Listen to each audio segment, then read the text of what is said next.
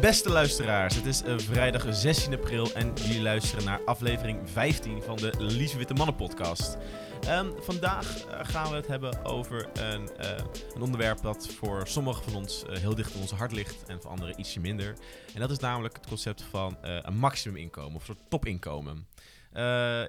meerdere mensen die, nou, die hebben daarvoor gestreefd. Laatst was er een artikel in het FD van een denktank, de zogenaamde jonge economen die in een paper Towards the Wellbeing Economy pleiten voor een maximuminkomen.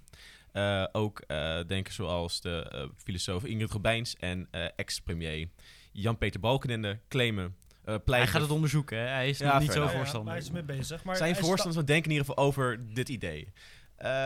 ja, dit, dit podcast gaan we zo over hebben over wat wij ervan vinden. Een topinkomen, of in ieder geval het concept van een, van een maximuminkomen. maar voordat we zover zijn, is natuurlijk tijd voor het opmerkelijk nieuws. En vandaag, deze... uh, vandaag stelt het weer niet teleur. Het, uh, dit keer komt het bericht uit Polen. en onze betrouwbare bron nu.nl, daar hebben we het weer vandaan. En het artikel luidt... Nu.nl voor het Poolse uh, vrouw, van deze podcast. Poolse vrouw bang voor onbekend schepsel in boom. Komma, blijkt croissant te zijn. Fantastisch. ja, moeten we dit uitleggen? Ja, leg eens uit. Krijgen we ja, waarom? Wat, wat, wat, is een croissant? Nou ja, die vrouw die durfde de raam niet open te doen twee dagen lang, omdat ze dacht, er zit een raar beest in de boom. Toen heeft ze een soort van de Poolse dierenambulance gebeld. Die zei toen komen kijken. En toen, uh, toen was het een echte roombotercroissant. een echte. En in het wild, hè? Ontsnapt uit de bakker. Ze vliegen de bomen in in Polen. gewoon weg. Het was in Krakau ze vliegen, ze, vliegen de winkel uit en zo de bomen in. Nou ja. Maar uh, waar gaan we deze week wel over hebben? Ja. maar we hebben net al uh, besproken. Oh, dus een, uh, een maximum inkomen. Daar praten die economen over. Maar niet alleen voor de publieke sector. Niet alleen een balken en de norm in de publieke sector, maar ook gewoon mhm. in de vrije markt. Ja, voor het bedrijfsleven. Nou ja, er zijn ook redenen voor om dat, om dat in te voeren. Uh, top, de, de, de, de belonen, beloningen voor topfuncties uh, en managementfunctie in bedrijfsleven, die zijn flink gegroeid sinds de jaren 80. Uh, de, uh, waar in de jaren 80 de gemiddelde Amerikaanse CEO, nou misschien het tienvoudige verdiende van de gemiddelde werknemer, is dat voor een zaak zoals Walmart, maar ook als Amazon, is dat vervouwd naar duizenden keren. Maar ook in, uh, in Nederland, hè? de CEO van Walter Kluwers, dat is Nancy Mc nog wat. Oh, ja. Die, uh, die krijgt rustig 137 keer het salaris van de laagst betaalde krachten binnen de organisatie. Ja, precies. En het is ook het argument vaak geweest dat er een soort uh, een top, een topmanagement, top, top managementmarkt is van managers die, waar, waar bedrijven moeten concurreren om dat talent binnen te halen. nou, dat argument is algemeen relatief ontkracht. Heel veel goede talent komt kom juist ook binnen bedrijven zelf. En uiteindelijk de, uh, de resultaten van de bedrijven zijn niet compleet terug te leiden naar uh, alleen maar wat die spe de, specifieke manager uh, of, of, of, CEO die zijn bedrijf aan, aan het roer heeft staan. Um, nou ja, de, de niet de controversiële Ralf Hamers van ING. Niet controversieel. Niet controversieel. En die vond, die vond gewoon dat hij te weinig geld had verdiend hier in Nederland. Ja, zeker. Dus die zeker. ging naar Zwitserland. Die ging naar Zwitserland. Maar wat ook bleek, dat hij een hele grote puinhoop bij had gemaakt bij ING dat hij eigenlijk voor de nou. ellende uit wil rennen. Is dat, dat, dat hij dacht, ja, maar hij heeft uh, zo'n bende ervan gemaakt. Hij heeft een paar dingen goed georganiseerd. Hij heeft gewoon de ogen een beetje gesloten gehouden. Misschien voor het witwassen. ja. En voor, en voor de ICT-drama's die ze daar hebben gehad. En er is het, het, argument dus feitelijk... Um, wat is het kapitalisme? Het, idee is natuurlijk gewoon... Het is een heel goed manier om materiaal en arbeid te kunnen herverdelen. En als um, motivatiefactor. Je kan geld verdienen en dat kan meer worden naarmate je productiever bent. Uh, maar er zit ook grenzen aan. Wat we nu gewoon zien is dat uh, uh, veel topmanagement die, ja, die etteren eigenlijk het bedrijf leeg, proberen vooral veel winst te halen. de focus ligt te veel op korte termijn resultaten, ook in aandelen. Dat zijn allemaal perverse prikkels om heel korte termijn te denken. En vooral in eigen, in eigen belangen en eigen beloningen.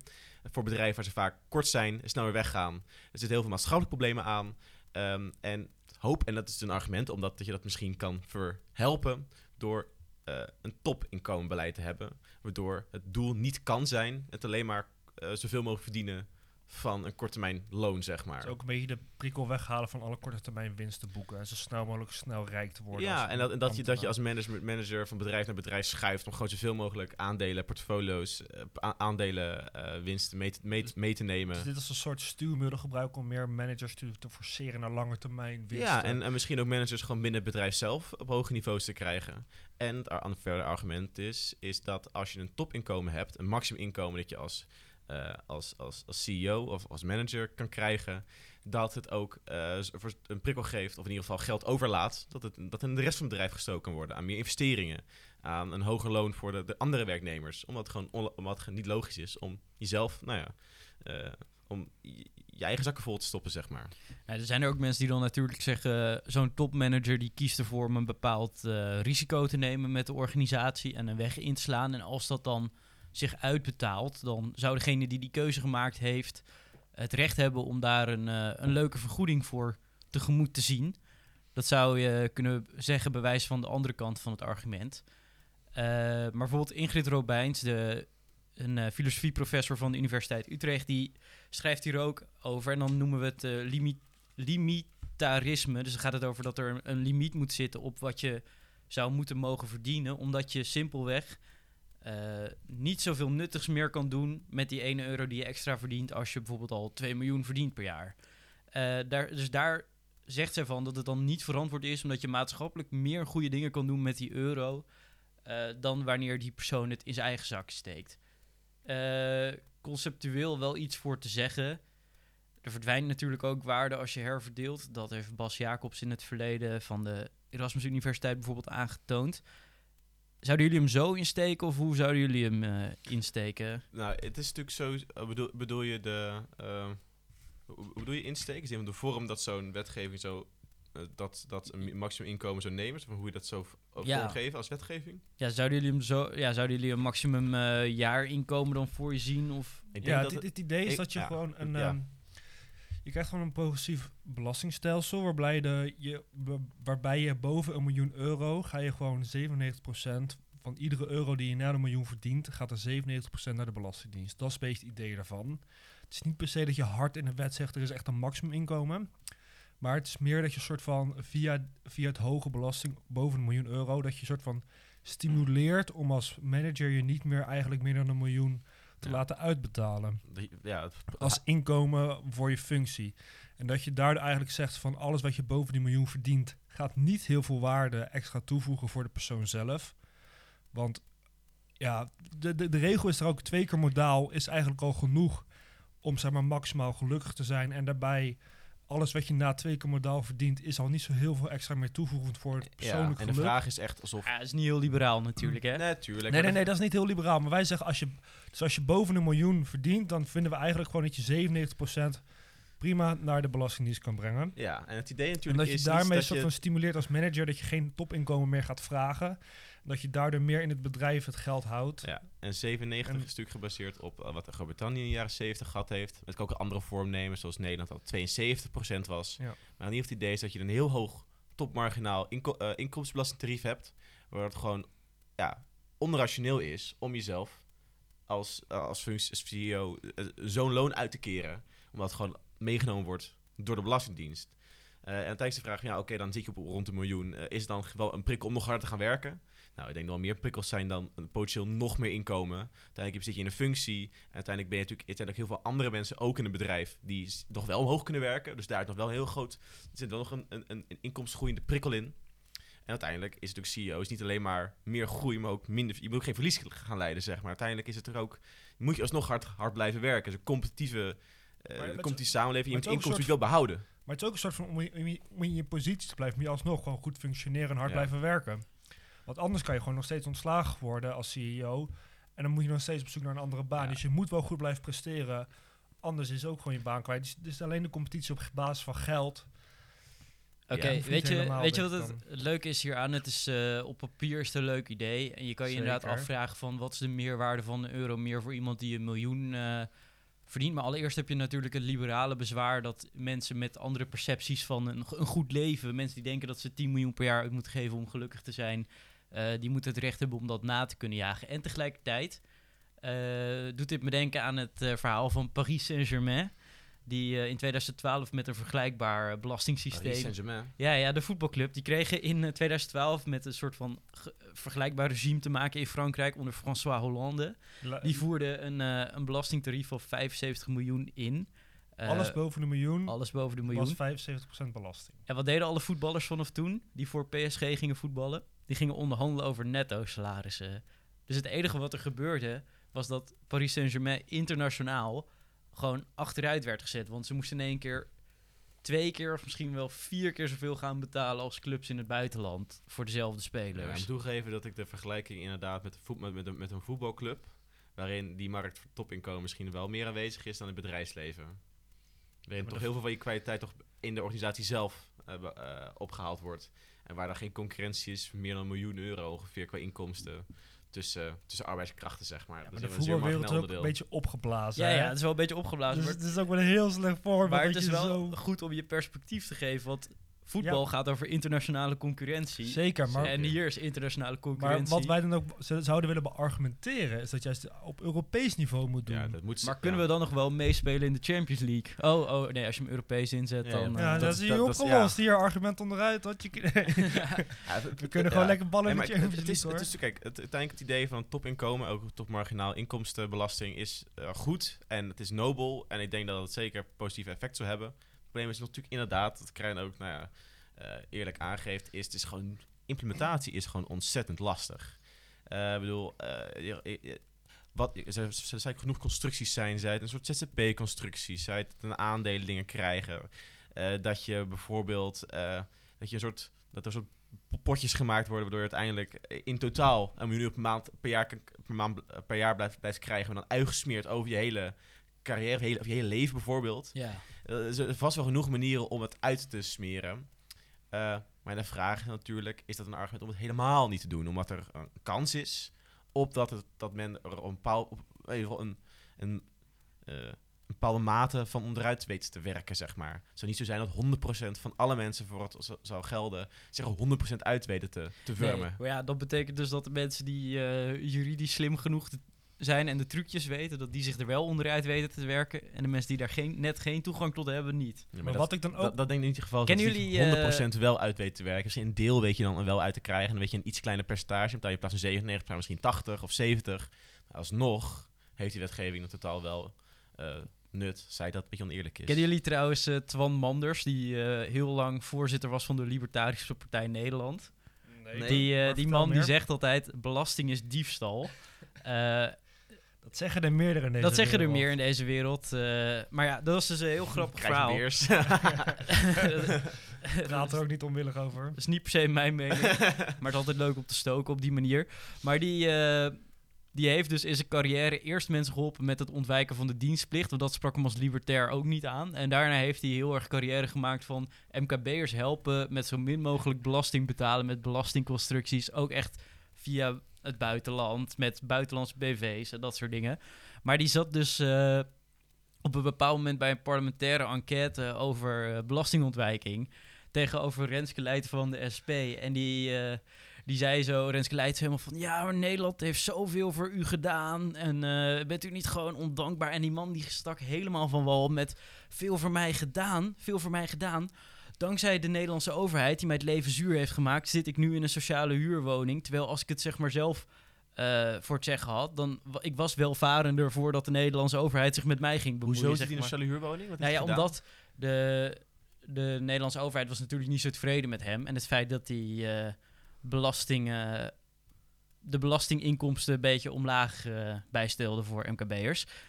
Uh, dat was.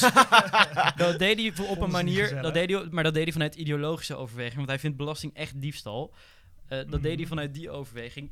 Maar het resultaat was dat de overheid dus gewoon ging spitten in alles wat hij deed. En hem zijn leven onmogelijk gemaakt heeft. Eigenlijk feitelijk. Waardoor hij zijn bedrijf niet kon doorzetten. En daardoor nou ja, is het hele zooitje in elkaar gestort. Had hij uiteindelijk geen geld meer. En uh, kwam die dus, is hij zo soort van aan lager wal geraakt. Omdat hij aan het vechten was met de Nederlandse overheid. Eigenlijk een, een, beetje een tragische persoonlijke vete, zowel vanuit, vanuit de overheid als vanuit hem. Maar, maar, om elkaar het leven zuur te maken. Maar als een bedrijf helemaal omgespit werd en als het dan zijn bedrijf failliet is gegaan, dan zat er ook wel iets gruwelijk fout. Nou, Want anders kan je toch gewoon letterlijk op papier aantonen, ik handel naar de wet en er is eigenlijk niks wat ik fout doe. Ja, maar als je handelt naar de wet, uh, volgens mij is je ook nooit ergens voor beschuldigd, nooit ergens uh, voor veroordeeld. Maar als je handelt naar de wet en mensen, je hebt, bent nieuwe klanten aan het zoeken om in de toekomst je geld mee te verdienen. En die zien allemaal, oh, het OM en, en de field zijn al zijn dingen aan het doorlichten. Dan denk jij als ondernemer van, ik ga even niet naar die tent. Nee, oké. om uh, ervoor te zorgen dat ik minder belasting ga betalen. Ik ken het wel, maar sowieso is het argument van libertariërs ook... is dat de, dat de overheid de markt ook inherent onmogelijk maakt. Het heeft allemaal monopolie-effecten. Het is allemaal het ook, ook heel corrupt. Um, ja, dus ja, in dit geval is het wel heel duidelijk. Zo vanuit de, markt, de overheid heeft de markt een beetje gestuurd tegen, tegen zijn voordeel. Door zijn, door zijn naam te, te schaden feitelijk. Ja. Ja, ja, ja, Maar ja, dat, is, dat vind ik dus het moeilijke van zo'n uh, zo'n limiet op wat je maximaal mag verdienen. Want het is heel erg een soort van uh, socialistisch, noem ik het toch maar even, een frame.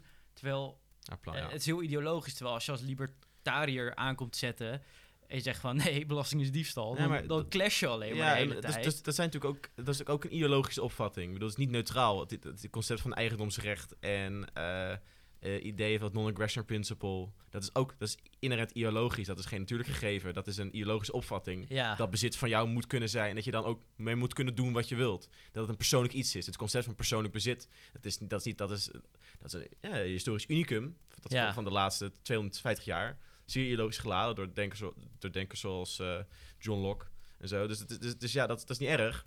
Maar ja, dus, het argument kan niet zijn dat over het ideologisch leidt en jij het niet zou doen. Dat is ook ideologisch. Maar ja, iedereen heeft zijn recht op zijn eigen ideologische opvatting. Ja, ja, maar dat is dus het rare van dit soort discussies. Want ze zijn inherent ideologisch. En je kan het nooit op een pragmatische manier bespreken. Nou ja, je kan wel pragmatisch zijn. En dan wordt het natuurlijk mm. lastig om dat te kwantificeren. Je zegt van ja, de, de, de, de, de, de, de, de total sum of happiness, zeg maar. De gelukmaximalisatie, utilitaristisch.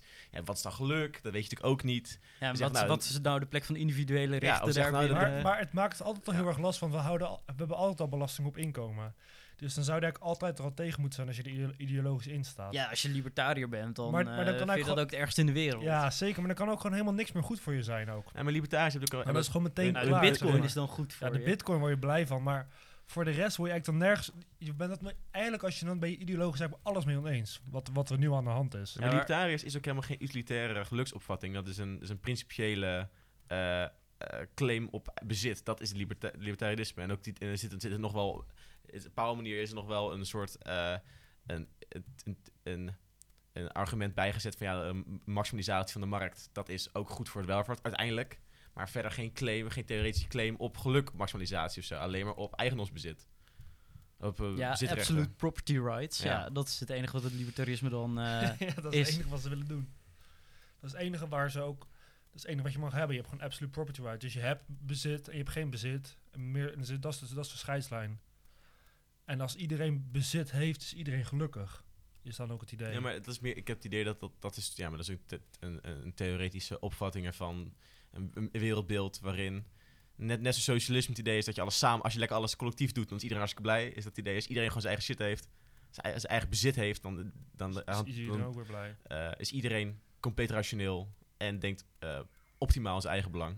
En daarom zijn we op zoek naar de gulden middenweg. Zeker, dunne mars van, de dunne marsjes, de smalle marsjes van de democratie natuurlijk. De smalle marsjes van de democratie.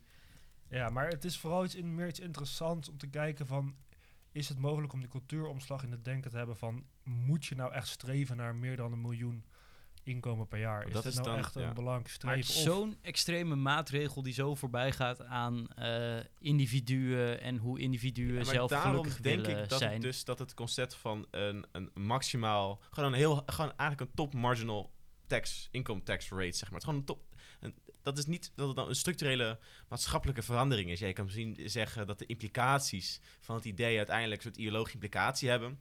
Uiteindelijk is het niet een, heel, een, een, structurele uh, systeemverandering. Het is alleen maar het verhogen van, het, van, de, van de hoogste box en introduceren van een nieuwe belastingbox. En die is dan heel hoog. Gewoon een nieuwe schijf. Gewoon een ja, nieuwe belastingschijf. Je krijgt alweer die kapitaalvlucht en zo. Maar als je het Europees doet en dan Amerika is nu ook onder de Biden-regering willen ze ook heel graag belastingontwijking aanpakken. Ja, maar... En, en, en, en, als je dan grotere landen meekrijgt, dan, en, dan kan je best wel gewoon die kapitaalvlucht tegenhouden. En waarom, waar bemoeien ze zich mee? Ik bedoel, de Cayman-eilanden bestaan op het feit dat ze lage belastingtarieven hebben. Ik weet niet wat er verder op de Cayman-eilanden is, Toerisme, maar... toen was weer klaar. Ja, het is, uh, ja, het, maar... het, is raar om dat broodroof te noemen, omdat die mensen ook broodroof toepassen met ja, maar ja, ik, de belastingvlucht die ze faciliteren. Ik denk dat we natuurlijk wel, de, over bemoeien gesproken, we hebben natuurlijk wel een conclusie getrokken in de laatste nou, 100 jaar dat een compleet liberaal, uh, semi-libertarisch systeem uh, heel veel nadelen heeft. Zij het kinderarbeid, geen normale huisvesting, geen onderwijs. Ja, dat hoeft dus niet, hè? Want de returns to schooling zijn zo hoog dat zelfs in een libertarische samenleving ja, hoef je geen uh, kinderarbeid te hebben. wel het kapitaal hebben om uh, het maar, voor kunnen doen. Mensen op korte termijn onrealistisch. Maar je, maar je kan ook als een kapitaal lenen, want de return on schooling is gewoon zo hoog. Ja, dat iedereen wil geld in uitlenen waarmee jij weer geld kan gaan verdienen. En dan krijg je college tuitions van Maar aan de andere kant, je, je, hebt, je hebt ook concepten zoals risico. Zeg je als gezin dan investeer je zoveel geld in je kind en die kind wordt doodgereden. heb je wel al die, al die, al die schoolschulden en nooit return on investment. Maar dat kan je toch gewoon ook verzekeren dan? Ja, ja, nou ja, kijk, ik denk dat, dat theoretisch... Ik kan Theoretisch is dus een waterdicht... Uh, is, is, is natuurlijk waterdicht ja, praktisch is het natuurlijk wel nuttig om collectieve voorzieningen te, voorzien, te voldoen.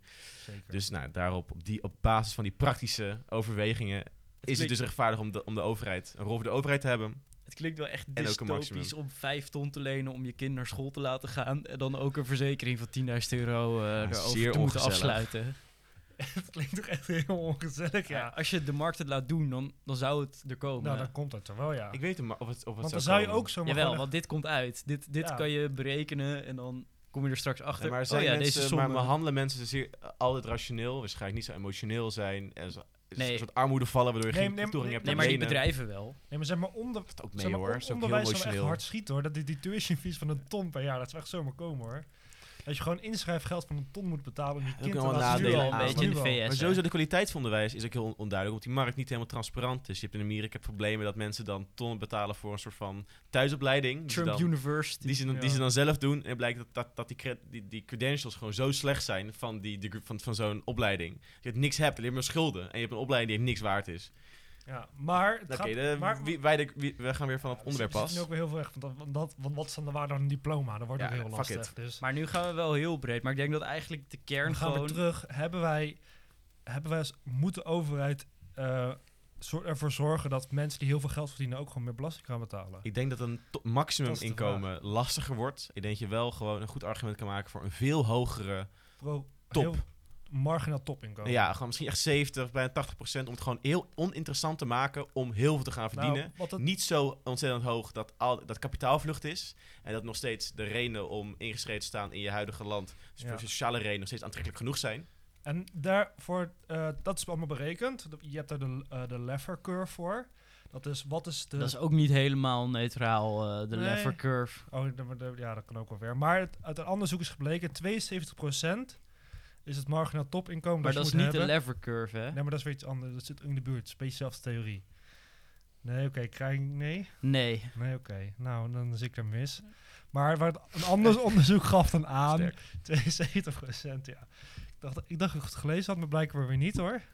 Maar de 72 procent, dat het optimale uh, progressief uh, uh, uh, marginaal topinkomen is, waarbij je zo min mogelijk kapitaalvlucht hebt, maar je wel zoveel mogelijk van de belasting kan pakken en daarbij ook uh, zoveel mogelijk zorgt dat de topinkomens omlaag gaan en dat ze beter gaan herverdelen binnen het bedrijf. Ja, uiteindelijk, is, uiteindelijk is natuurlijk de rol van het bedrijf is gewoon produceren, innovatie creëren, prikkel met elkaar concurreren. En ja, het is gewoon een foutje eigenlijk binnen theorie dat, het, dat, dat er zoveel macht kan zijn binnen binnen uh, CEO's en topfuncties. Dat ze eigenlijk meer aan beloningen kunnen krijgen, ook op een soort culturele basis, nou, dan het eigenlijk goed voor de economie is. Het moeilijke met topbestuurders is vaak ook dat zij uiteindelijk zelf de personen zijn die besluiten hoeveel ze verdienen. Ja, het is gewoon machtspositie hebben zij. Niet helemaal concurreren, ja. niet non-concurrerend machtsopvatting eigenlijk. En juist ook omdat... Maar, maar dan hebben ze het ook helemaal niet gekregen via een vraag- en aanbodsysteem van hoe hoog een loon moet zijn hebben zij gewoon voor zichzelf bepaald. Ik denk dat ik wel zoveel waarde bij en zoveel Ik kan ook heel leuk met mezelf onderhandelen over wat ik zou moeten verdienen. Ja, daarom. Dus dat werkt toch ook helemaal niet. Dan werkt het werkt ook helemaal tegen de economische ja, en ze hebben ook natuurlijk een heel erg perverse korte termijn prikkel. Want zeggen, ja, ik tien jaar ben ik weer weg. Ik kan mij boeien wat het bedrijf doet. Het liefst verkoop ik het gewoon. Uh, en dan liquideer ik gewoon de, de, het bedrijf wordt opgekocht door, andere, door een andere toko. Krijg ik weer Als je aandelen omhoog. als je dan synergieën krijgt, dan creëer je wel veel waarde. Dus dan verdien je wel wat. Maar dat is een heel andere discussie. en ik denk ook dat we die nu niet erin moeten fietsen. Zeker. maar, maar de... wat, wat, wat, wat, denk jij daarvan? Is, het, is, het, is, is die gemaagde vorm zoals wij die voorstellen, is die mogelijk? En is die, is die nou, zou je die willen hebben eigenlijk? Is die... Ja, het is vast mogelijk om zoiets te organiseren. Zou je nuttig uh, zijn? Ik vind dat er ruimte moet zijn voor meerdere percepties van het goede leven. Dus als mensen echt een hele decadente smaak hebben en ze daardoor geluk denken te bereiken, dan moeten ze de kans hebben om dat na te jagen. Ja. Maar dat laat natuurlijk niet onverlet dat uh, welvarende mensen binnen een samenleving een soort verantwoordelijkheid hebben ook tegenover de rest van de samenleving. Dus uh, ja en nee, denk ik. Namelijk anders kan je het claim maken dat, uh, dat ik alleen maar geluk word met door 4 miljard. Dus geluksmaximalisatie. Ik word alleen ik... geluk als ik mijn eigen ruimtevaartproject heb waarmee ik... Uh... ja, precies. Dat, dat is natuurlijk ook, dat is toch ook de grenzen waar de Theory of Justice van John Rawls ook tegen de grens aanlopen. Want als iedereen een andere welvaartsopvatting heeft, ja. dat wordt ook onrechtvaardig. Want dan kan je veel meer materiaal gaan claimen en dan kan je gewoon liegen. nou ja. ja ik denk dat het, uh, dat het, dat dit uh, het einde van onze podcast is. Het is een beetje een verhaal geweest alle kanten op gegaan is. Maar we, hebben wel een leuke, interessante discussie zeker, gehad samen. We zijn van de grenzen, we zijn van de praktische implementatie van nieuwe belastingwetgeving gegaan naar concepties van welvaart. Uh, tot Jan-Peter Balkenende. Jan-Peter Balkenende. En de, daarmee gaan we het afsluiten. Nou, ik wil de luisteraar bedanken voor het uh, luisteren naar deze aflevering. En uh, tot de volgende aflevering. Doei. Doei.